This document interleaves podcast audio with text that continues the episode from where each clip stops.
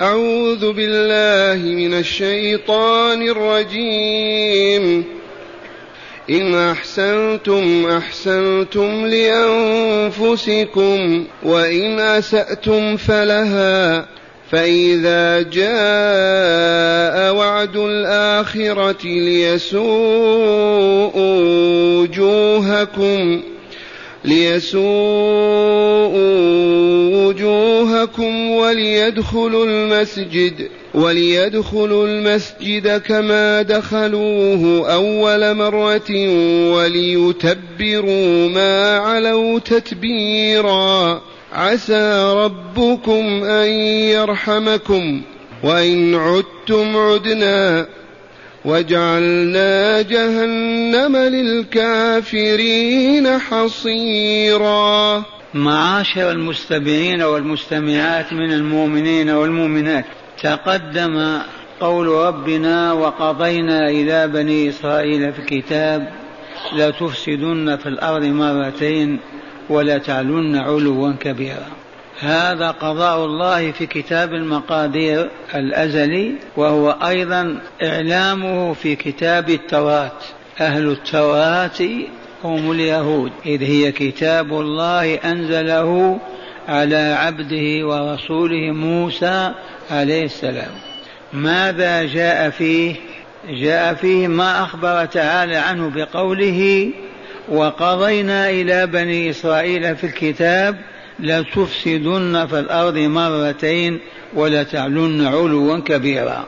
والمراد من الفساد الفسق والفجور وتعطيل شرع الله وتحكيم الهوى والجري وراء الدنيا وأطماعها والدنيا والهوى وشهوات النفس ورغابتها هذا أمر مفروغ منه.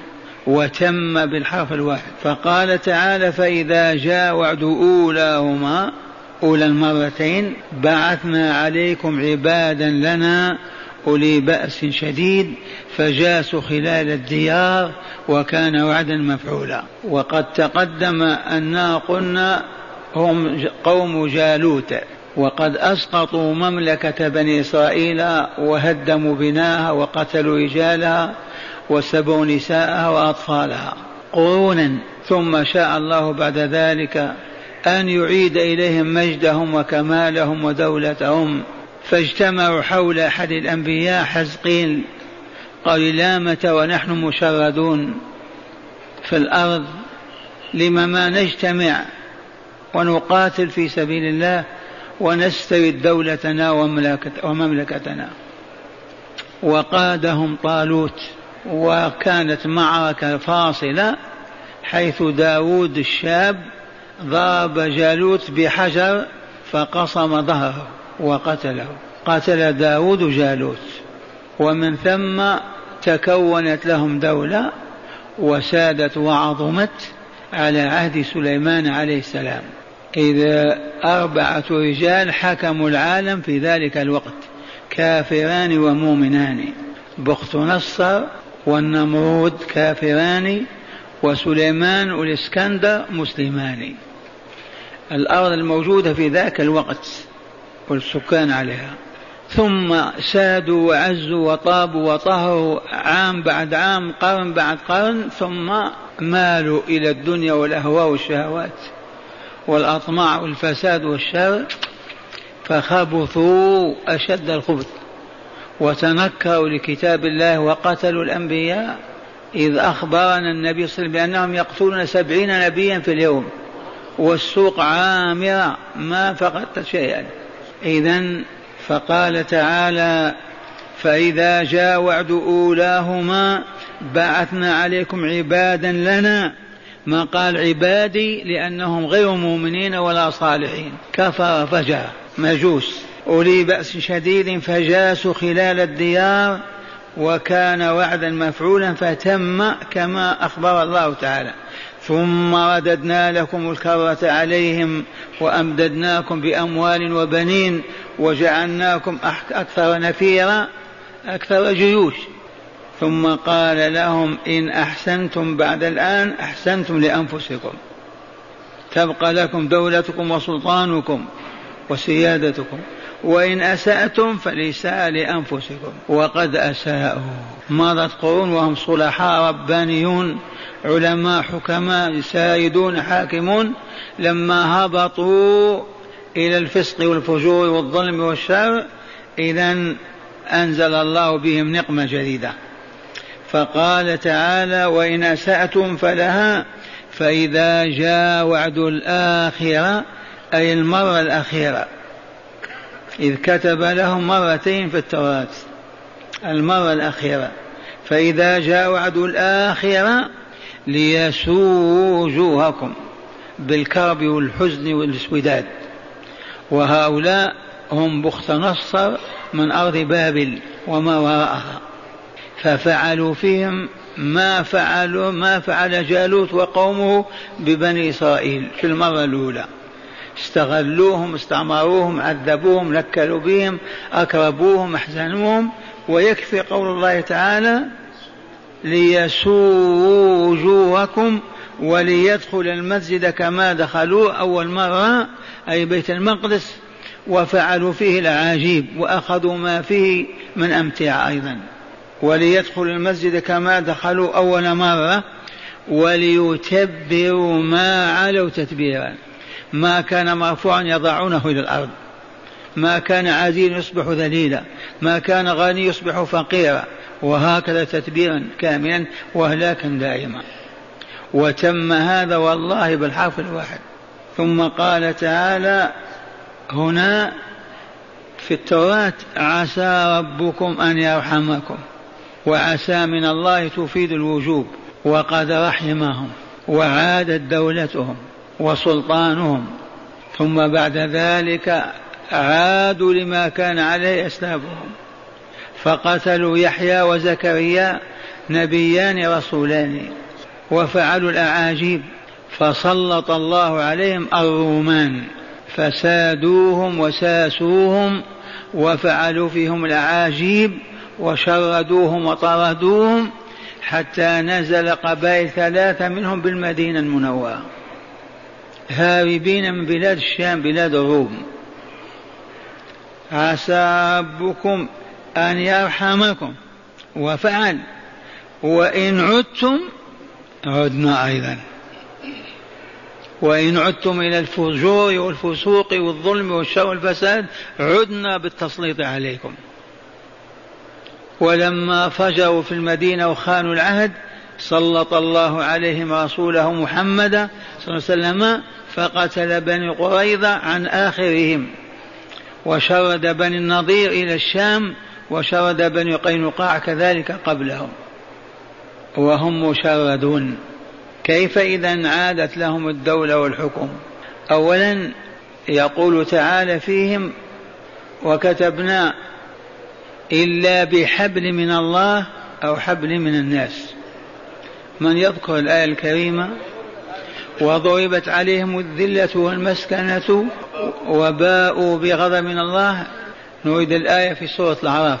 ضربت عليهم الذلة أينما ثقفوا أينما وجدوا. في الشرق أو الغرب اللهم إلا بحبل من الله وحبل من الناس. ضربت عليهم الذلة أينما وجدوا. سواء في الشرق أو الغرب. اللهم إلا بحبل من الله وهو الإسلام. من أسلم من اليهود ما ذل ولا هان.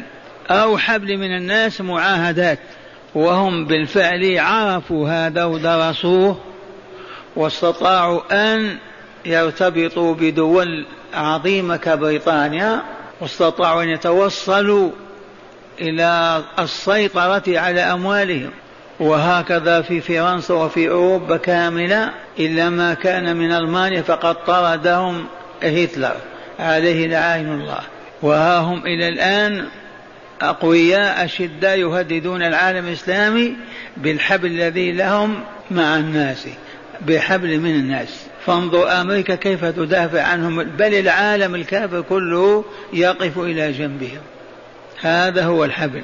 لو انقطع وقد قلت غير ما مر لو أن المسلمين فقط أسلموا قلوبهم ووجوههم لله واتحدت كلمتهم وطبقوا شرع الله فيهم أقرب الأسباب أن أمريكا والغرب كامل يتخلى عن اليهود. فإذا تخلوا عنهم ماذا يكون مصيرهم؟ يأتي أمرهم إلى المسلمين وينهوا وجودهم. وقد أخبر بهذا الرسول صلى الله عليه وسلم. بدليل لما قيل لهتلر وحزبه اليهود يتآمرون على دولتكم سواء بالصدق وإلا بالكذب ماذا فعل بهم؟ قتلهم آلافا وشردهم. فلو أراد الله بنا أن نسود وننهي هؤلاء اليهود لتخلت أمريكا عنهم وبريطانيا بسبب من الأسباب بمؤامرة تكتشف فيتركونهم يأكلهم العرب. ولكن ما دام المسلمون غير مستقيمين حالهم حال بني إسرائيل فيما سبق.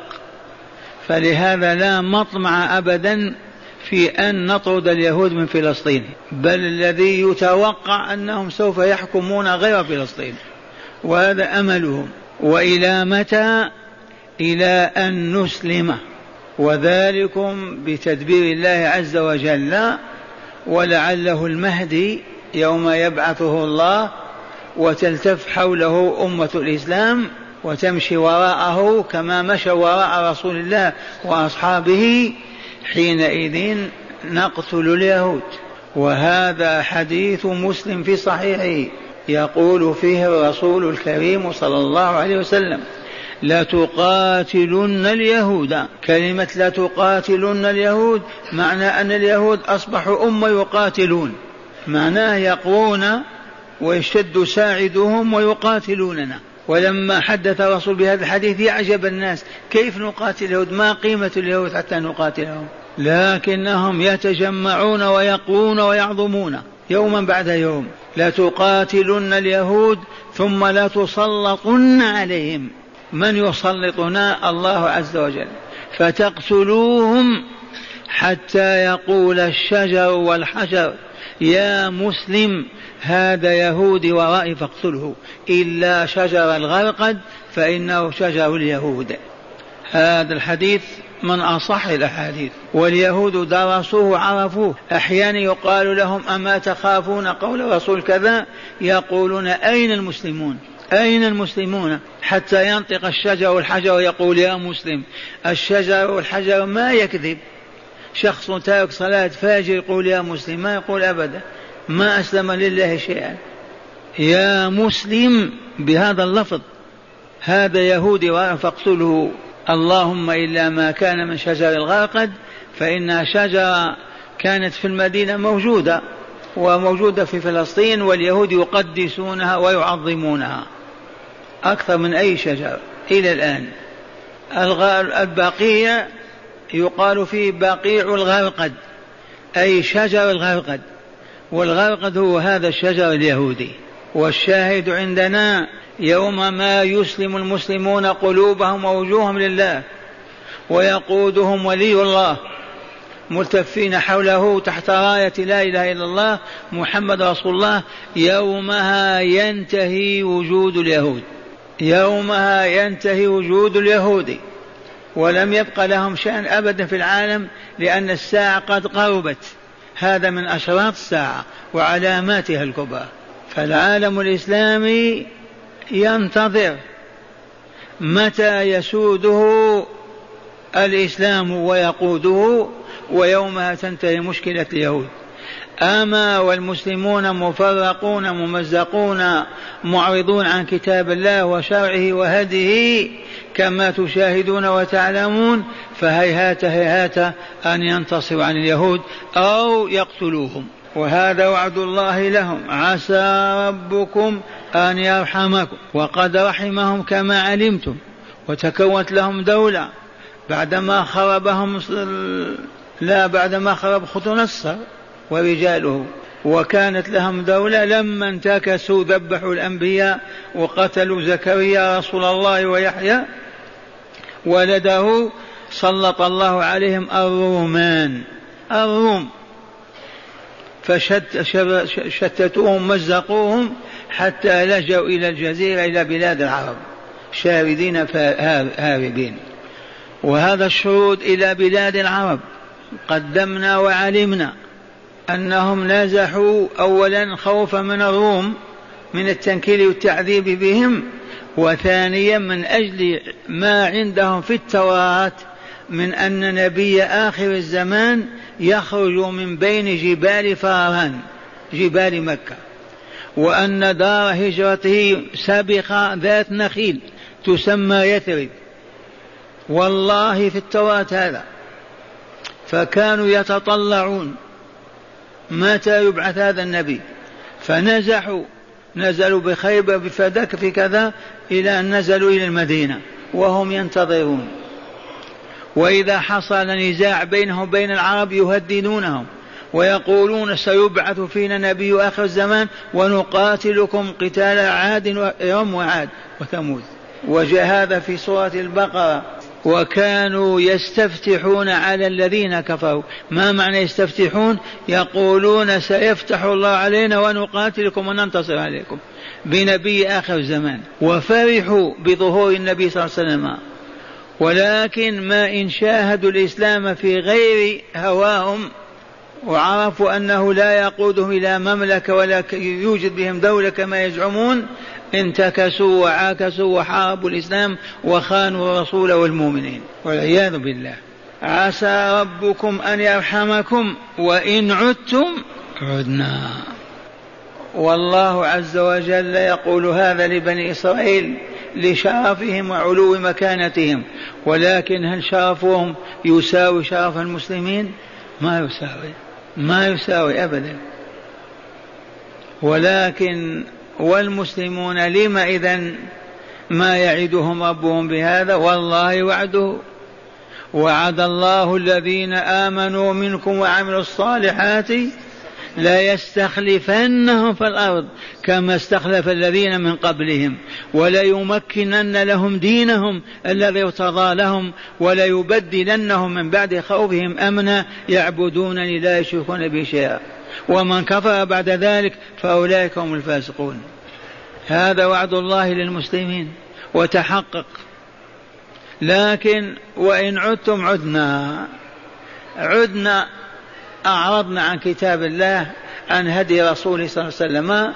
مزقنا دولة الإسلام إلى أربعين دولة شتتنا شملها جمعناها جماعة وأحزاب وطوائف إذا فرقة كاملة بأيدي اليهود الذين يفعلون هذا الفعل لنبقى هابطين لسنا أهلا لأن نسود ونقود. إذا ويقول تعالى وجعلنا جهنم للكافرين حصيرا عذاب الدنيا لا قيمة له يستمر وينقطع. سعادة الدنيا لا قيمة لها العبرة بالدار الآخرة. الدنيا تشقى الأمة تسعد تنتهي تنتهي مدة سعادتها وشقائها. لكن العبرة بالحياة الأبدية الخالدة التي لا نهاية لها أبدا.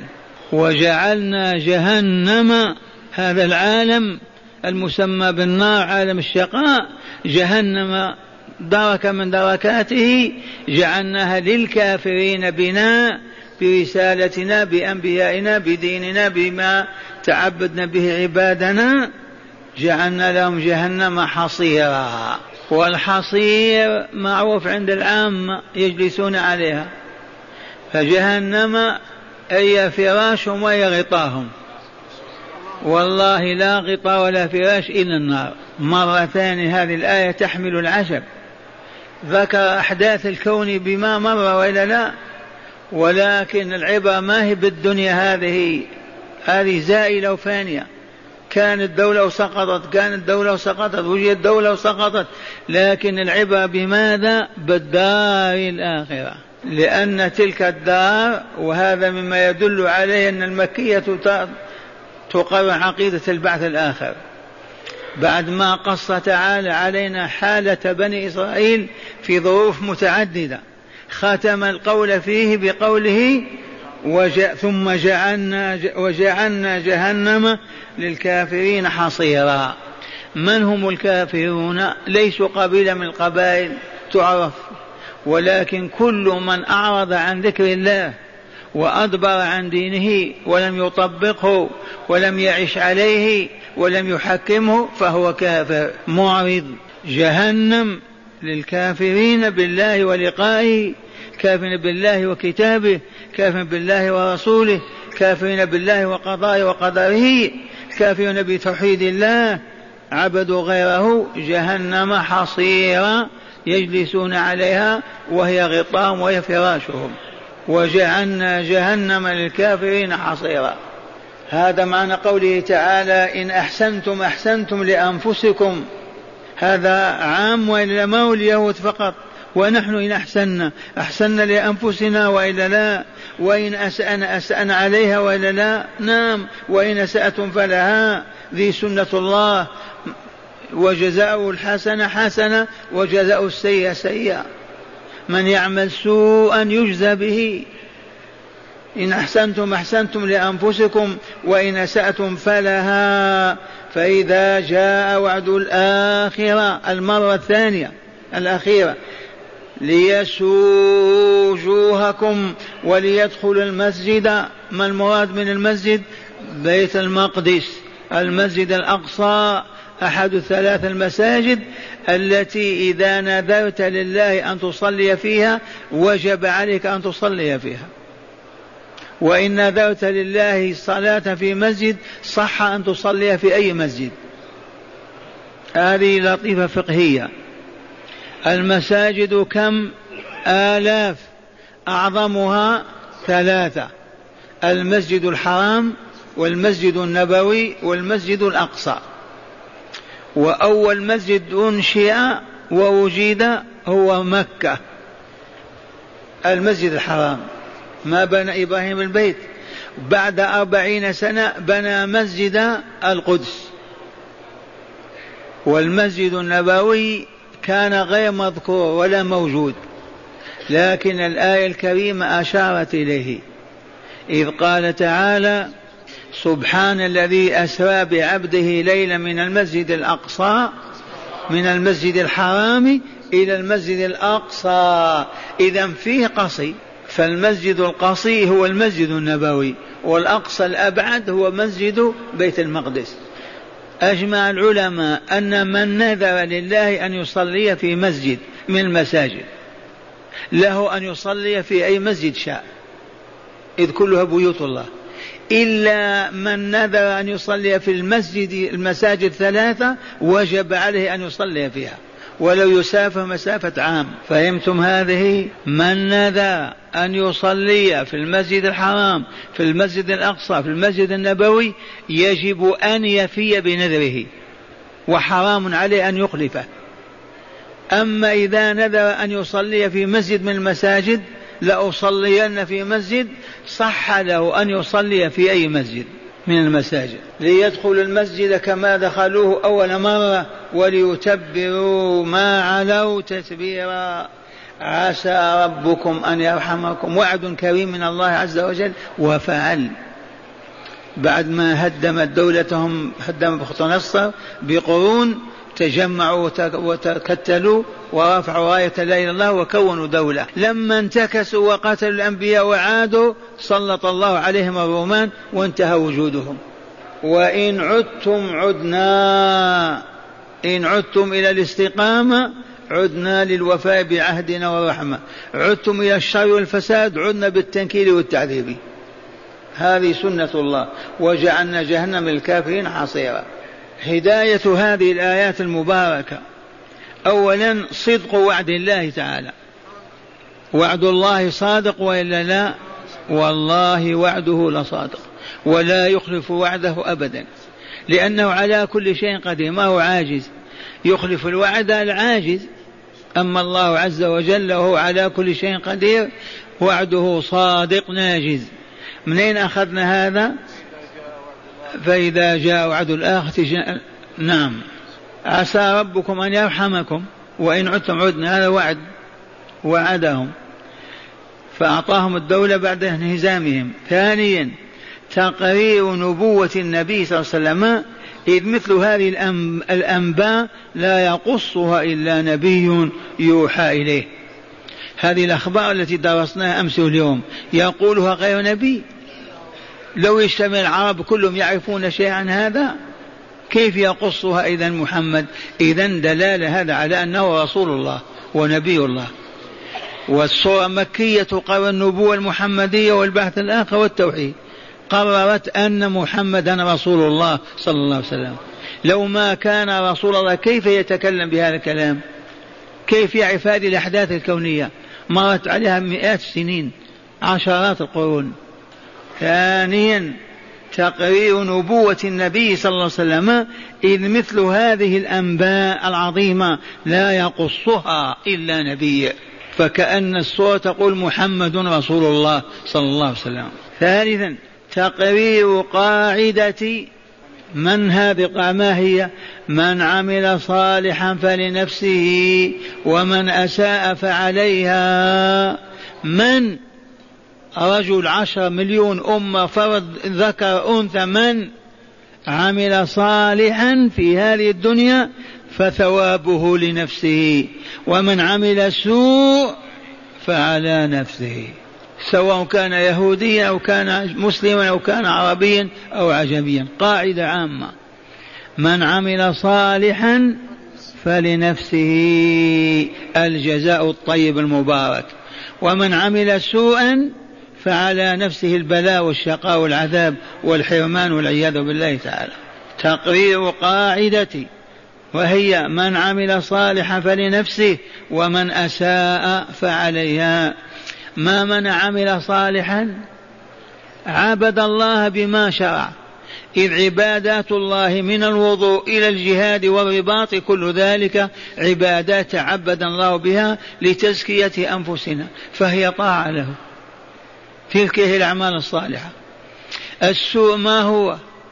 ما حرم الله وحضره على عباده وندد بفعله وتوعد عليه. كل ذلك يسمى سوء. المعصية لله ورسوله سوء والطاعة لله ورسوله عمل صالح. رابعا وجوب الرجاء في الله وهو انتظار الفرج والخير منه وإن طال الزمن. هذه للمسلمين الآن. وجوب الرجاء في الله عز وجل وانتظار الفرج. كذا ولا لا؟